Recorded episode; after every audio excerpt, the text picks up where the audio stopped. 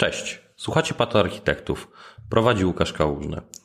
Szymon jest na Europie, więc dzisiaj pociągnę odcinek sam i jeszcze będzie tak przez dwa kolejne.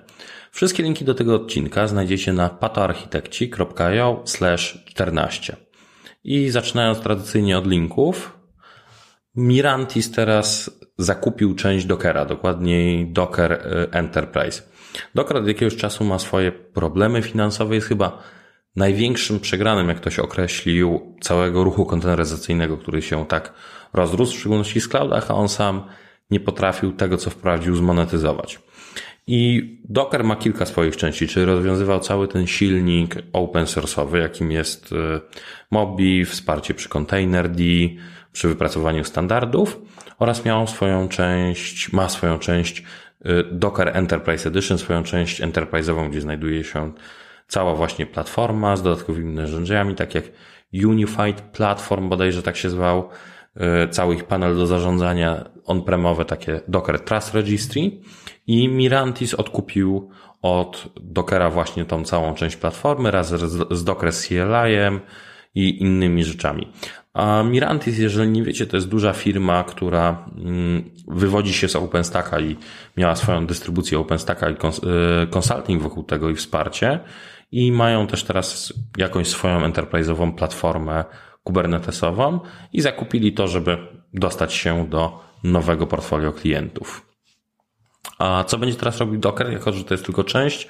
Chcą się skupić na deweloperskim workflow pracy dla nowoczesnych aplikacji, jak to sami określili, i będą się skupiać na y, Docker desktopie i y, jego konfiguracją z Kubernetesem, oraz y, będą rozwijali Docker Hub. Zobaczymy, co z tego wyjdzie.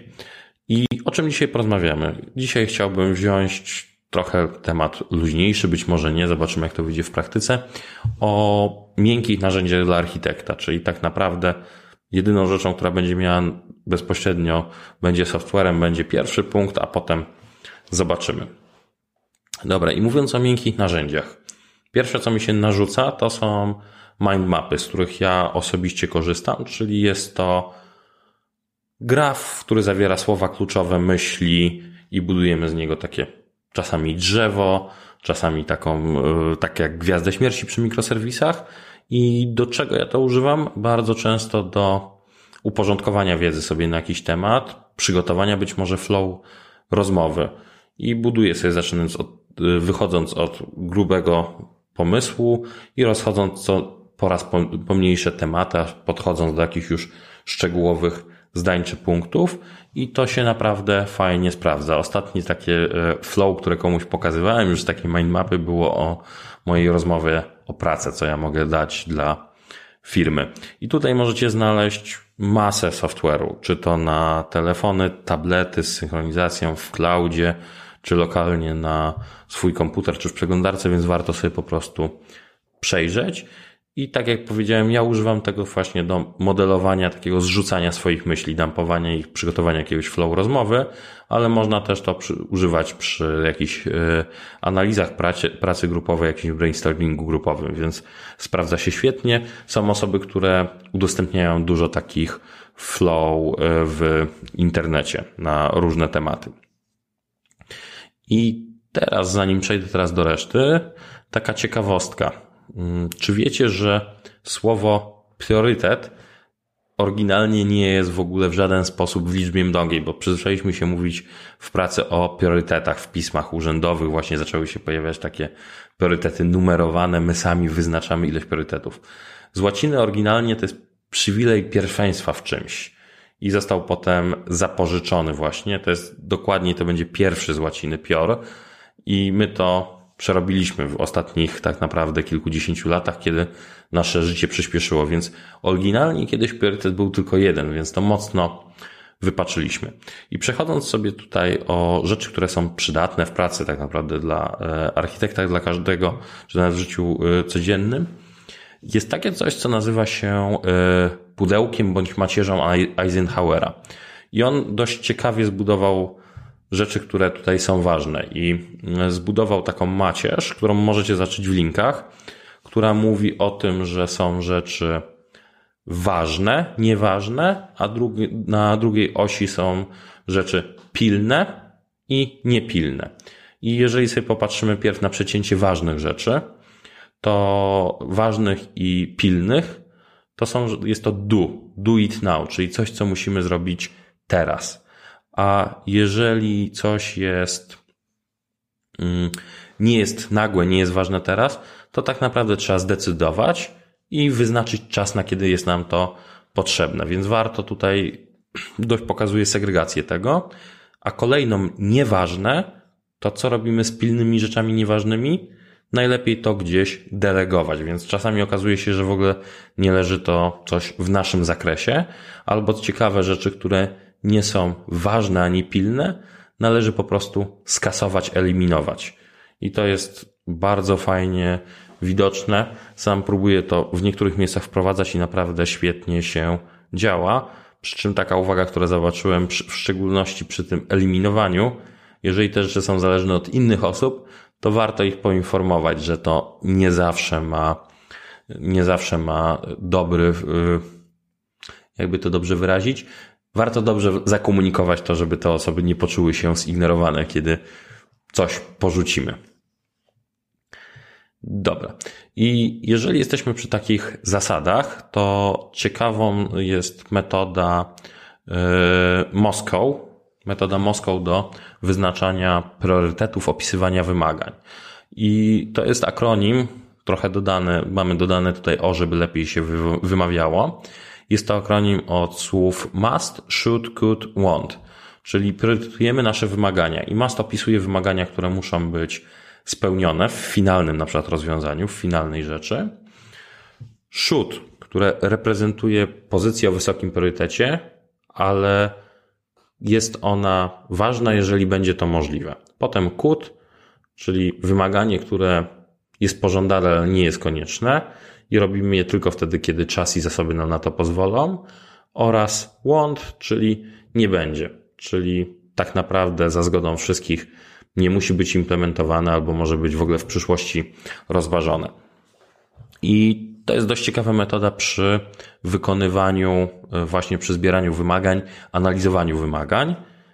I tutaj, jeżeli zobaczymy, to y, trzeba sobie odpowiednio zadawać pytania. I przy must have, jeżeli chcemy sprawdzić, czy dane wymaganie, dana rzecz będzie must have, przy, przy analizie, przy wybieraniu, podejmowaniu, czy jest dla nas istotne, to pytania, jakie mogą być. Bez czego ten produkt nie zadziała? Kiedy ten produkt nie będzie miał sensu? Które funkcjonalności zakrytyczne z punktu widzenia użytkownika? Które wymagania bezpośrednio spełniają cel użytkowy produktu? Albo wymaga, czy wymaganie realizuje korzyść biznesową? Albo bez których wymagań produkt nie będzie spełniał zasad bezpieczeństwa czy zgodności z przepisami. Więc to można powiedzieć, że to są must have, a should have i could have, mm, jak to określić? Więc y, możemy zadać pierwsze pytanie, czy bez tej funkcjonalności produkt, projekt będzie działał?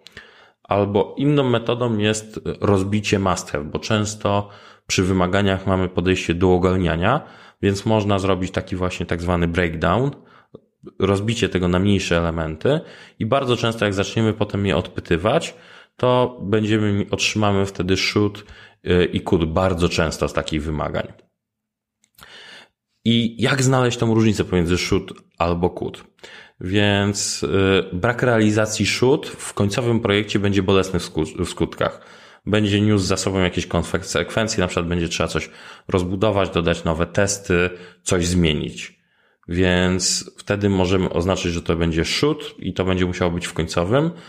Could to elementy, które w danym momencie, jeżeli je pozostawimy, nie będą miały późniejszych konsekwencji, nie będą miały y, wpływu takiego poza y, wizerunkiem, zadowoleniem, nie będą miały wpływu na całość. No i ostatnie jest won't have, czyli tak naprawdę czego nie, za, nie zrobimy tym razem, co możemy zaadresować w kolejnej fazie projektu, produktu. I jest to istotne, bo często się pojawia dużo takich, dużo takich rzeczy, które gdzieś dorzucamy na przykład do wymagań projektu architektury. I z tego jeszcze jeden wynika zdrowy podział takich must have, should, should have, could have. Jeżeli patrzymy na ten podział, to zasady mówią o tym, że ogólnie powinno być na naszej liście wymagań, kiedy już zrobimy priorytety właśnie w liczbie mnogiej, to takich must have powinniśmy mieć około 60%. Ja mówię, że czasami warto nawet zejść troszeczkę niżej, kiedy mamy więcej tych wymagań, czasami nawet do 40, 40 a should y, i could have powinny być rozbite po 20%. Czyli jeżeli popatrzymy, to przy 60% to właśnie będzie 20%, 20%. Tak po, po, po połowie z tego, co zostanie z must have, a won't, won't have nie oceniamy w tym. Idąc sobie dalej, jeżeli mówimy o zbieraniu wymagań, to kolejnym ciekawym narzędziem e, dla architekta jest event storming. Event storming mamy plan z Szymonem, że mam nadzieję już niedługo zrobimy dość ciekawy odcinek i wywiad na ten temat. Ale czym jest event storming? To jest technika modelowania. Ona pierwszy raz została opisana przez e, Włocha, bodajże Włocha Alberta e, Brandoliniego, jeżeli poprawnie wymagam, w 2013 roku i została e, bardzo szybko została złapana przez całą społeczność wokół Domain Driven Design. I mm, o co chodzi? Tutaj jest to technika modelowania, Y, na podstawie zdarzeń w, w domenach biznesowych, w naszych systemach, najczęściej systemach informatycznych. Tak naprawdę można też użyć go niekoniecznie w domenach biznesowych, można użyć go jako metodę do brainstormingu w innych miejscach. Y, co ciekawe, w Technology Radarze, w Fotworksie, którym już wcześniej wspominaliśmy, w wcześniejszych odcinkach, to event storming też był wskazywany jako właśnie polecana metoda do modelowania. I na czym to polega? Tak naprawdę zaczynamy od tego, że na kart bierzemy sobie y, przylepy, bierzemy, spotykamy się w sali, bierzemy przylepne, samo przylepne karteczki i zaczynamy na, w zależności od koloru, zaczynamy spisywać pewne rzeczy i je umieszczać. Więc zaczynamy od tego, że mamy jakiś kolor karteczki przydzielony na nasze zdarzenie, które się dzieje w systemie, w procesie. Spisujemy wszystkie takie zdarzenia, które mogą wystąpić i następnie, czyli wszyscy z siebie zrzucają, co wiedzą o danej domenie i następnie próbujemy je zgrupować, zanalizować i potem przydzielamy coraz to kolejne nowe, y, nowe kartki, które mogą przedstawiać jakieś komendy na y, evencie, jakieś zewnętrzne systemy, aktorów, których mamy występujących w danym, przy danym evencie, procesie. Możemy oddzielnymi kolorami, na przykład y, czerwonym, różowym oznaczyć problemy, niejasności, ryzyka. Możemy też jakimiś innymi kolorami y, wprowadzić jakieś notatki, jakieś opisujące szerszy temat, dodawać też kolejne kolory. Ważne, żeby robić to po kolei. I każdy taki proces potem, jak sobie wybierzemy taki łańcuch, żeby zbudować właśnie procesy biznesowe, przypadki użycia, możemy potem go zacząć analizować i dodawać mu właśnie po kolei te kolejne karteczki. Ja tutaj też się posiłkowałem wpisem y, Radka Maziarki. Dość ciekawym właśnie o tym, jak szybko odkrywać, y, odkrywać z event stormingiem systemy. W tym roku miałem jedną taką dość ciekawą sesję, która mi zapadła w pamięć, gdzie okazało się, że na działającym systemie, który był przygotowywany do przebudowy, refaktoringu, że trzy zespoły, które były jeden biznesowy, wszystkie rzeczy na, w środku systemu nazywały inaczej i zupełnie inaczej pokazywały perspektywę działania systemu. Jak jest zaimplementowane, a jak użytkownicy z tego, yy, z tego korzystają. I tutaj jak skończycie taki warsztat, przeprowadzicie go, to rezultatem powinien być właśnie widok takiego systemu zarysowane te procesy biznesowe, czy te interakcje, które występują z zewnątrz, wewnątrz. Jest to bardzo fajna, fajny mechanizm, żeby do odkrywania pewnych rzeczy albo do zmapowania już istniejących starego legacy, gdzie ta wiedza zaczęła zanikać albo procesy biznesowe czasami y, używały w inny sposób y, systemu niż miał działać. To często widziałem przy finansowych swojej karierze. Dobra. I kolejną rzeczą, jak jesteśmy, byliśmy trochę przy wymaganiach, e, odkrywaniu tego, będzie e, analiza typu SWOT.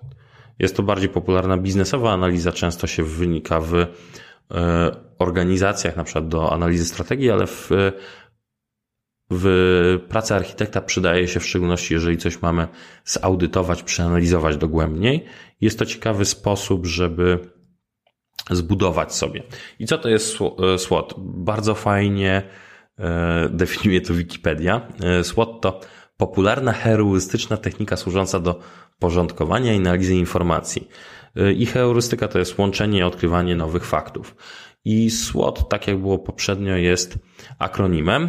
Akronimem od strength, czyli mocne strony, weakness, słabe strony, opportunities, szanse potencjalne lub zaistniałe w otoczeniu, w wyniku zadziania się i treats, zagrożenia prawdopodobne lub istniejące w otoczeniu.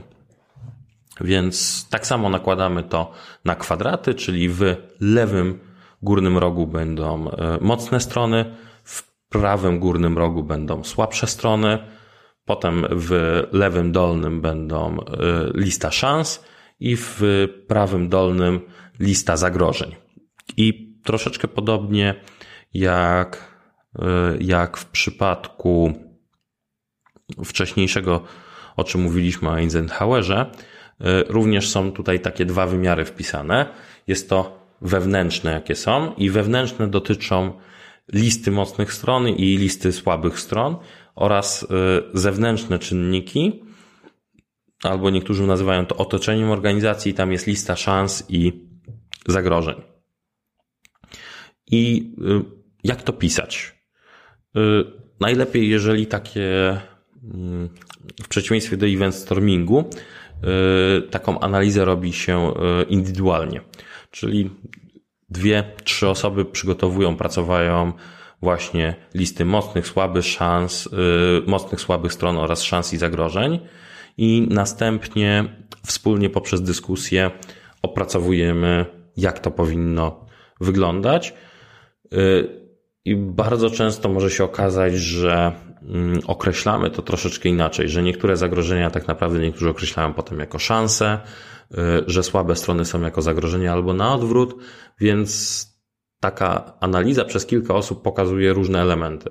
I bardzo często ja podczas stosowanej tej, stosowania tej metody Ciężko mi było wybrać y, szanse, czy uważałem je za takie naciągane, tak samo z zagrożeniami, ale trzeba popatrzeć tutaj na wiele rzeczy. I na przykład y, zagrożeniem takim ja patrzę z otoczenia na przykład organizacji i może być to słabą stroną albo naszego projektu, czyli y, będzie słabą stroną albo zagrożeniem przy jakimś rozwiązaniu informatycznym, to na przykład brak zasobów kompetencyjnych na przykład do zrobienia czegoś, czyli znaleźliśmy coś, co chcielibyśmy szybko zrobić albo w fajny sposób, a nie mamy tego. I to może być właśnie, mogą być to właśnie wiedza, zasoby techniczne, y, pieniądze na dany projekt, więc trzeba popatrzeć, czy są to pozytywne, czy negatywne.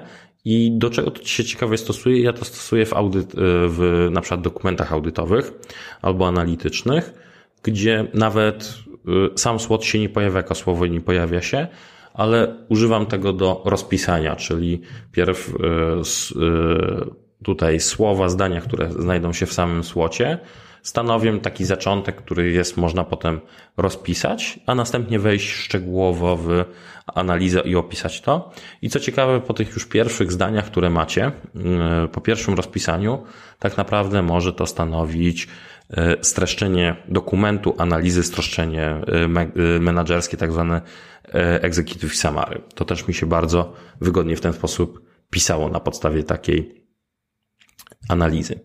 I kolejną rzeczą, którą chciałbym poruszyć, jak jesteś, byliśmy przy wymaganiach, bo teraz trochę się tego zrobiło, jak widzę, to będzie zasada Pareto.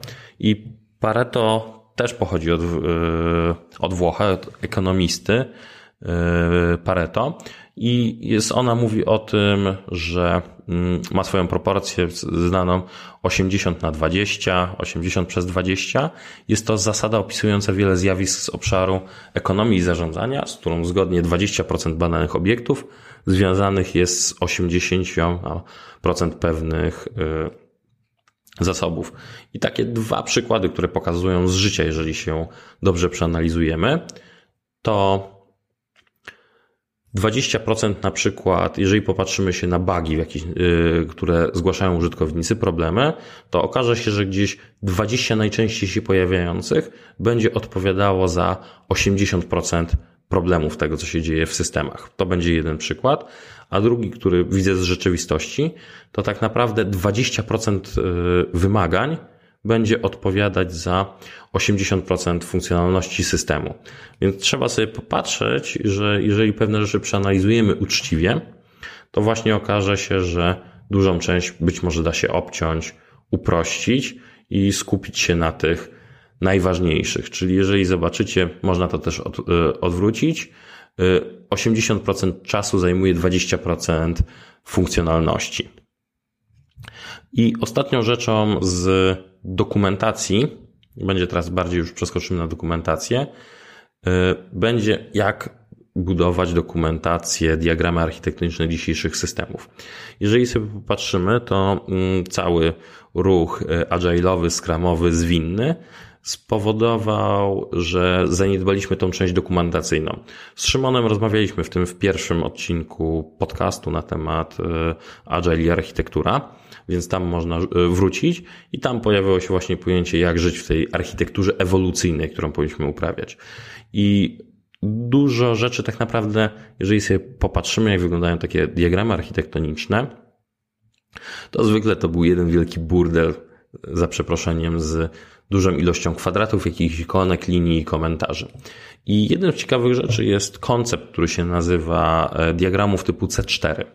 I C4 jest to, odnosi się od Context, Container, Component and Code. Jeżeli sobie popatrzymy, to poziom pierwszy, kontekst, ukazuje nasz system w całym otaczającym go świecie, czyli z czymś, jakimi innymi systemami się y, spotyka, integruje, jak on wygląda w całym swoim świecie i ekosystemie. I potem możemy zejść na poziom drugi, czyli na poziom kontenera. I to jest pokazany z tak zwany high level design, czyli pokazuje y, bloki, z których zbudowana jest nasza aplikacja. To może być baza danych, web serwer, po kolei komponenty, które są wysokopoziomowo, jakieś API serwery, jeżeli to będzie ileś mikroserwisów, to te mikroserwisy. I potem dla każdego takiego komponentu mamy Potem dla każdej takiej rzeczy mamy widok komponentu, czyli tego indywidualnego kontenera, który coś Y, co jest w nim w środku. To może być właśnie jeden mikroserwis, a w środku niego już będzie baza danych, jakieś y, usługa typu konsumenta, jakaś kolejka, jakiś y, udostępniana usługa z API. I potem kolejno dla każdego takiego komponentu, który nie jest, jest wytwarzany przez nas, możemy mieć, mamy kod, czyli mogą być to na przykład diagramy UML-a, albo inne, w które możemy już wejść i zobaczyć, co tam się dzieje. I dlatego dla tych dwóch ostatnich punktów to ciekawe, czasami trzech, w zależności e, czego używamy, e, jest software, który na podstawie naszych projektów, na przykład w Visual Studio czy w innych Javowych IDE potrafi wygenerować dużą część dokumentacji automatycznie, więc jest to dość ciekawe do użycia. Czyli i to by było dzisiaj na tyle, co chcę powiedzieć w tym chyba krótkim odcinku. I czyli przypominając, omówiliśmy sobie mindmapy, które mogą służyć do zrobienia dumpu. Y, Macie Eisenhowera, żeby podejmować lepiej decyzje. Zasada Pareto 80 na 20. Y, metoda Moskau, analiza SWOT, event storming oraz y, to, co ostatnio powiedziałem, czyli C4. I co z tego można wynieść? Warto się zainteresować, w szczególności, że jeżeli popatrzymy, to część z tych rzeczy w ogóle nie ma nic wspólnego z IT i jeżeli zejdziemy do narzędzi, które się używa w analizie biznesowej, takiej niezwiązanej z IT, na, w marketingu, finansach, można znaleźć dużo ciekawych technik, które do nas do IT dochodzą. Jeżeli sobie popatrzymy nawet na e, całego Scrama, który robimy i skąd się wywodzi, to zobaczycie, że znajdziemy gdzieś, korze- e, znajdziemy gdzieś korzenie w przemyśle lat 50. i zwiększaniu jego wydajności, więc warto się tym zainteresować. No dobra, to dzięki i do usłyszenia kolejnym razem.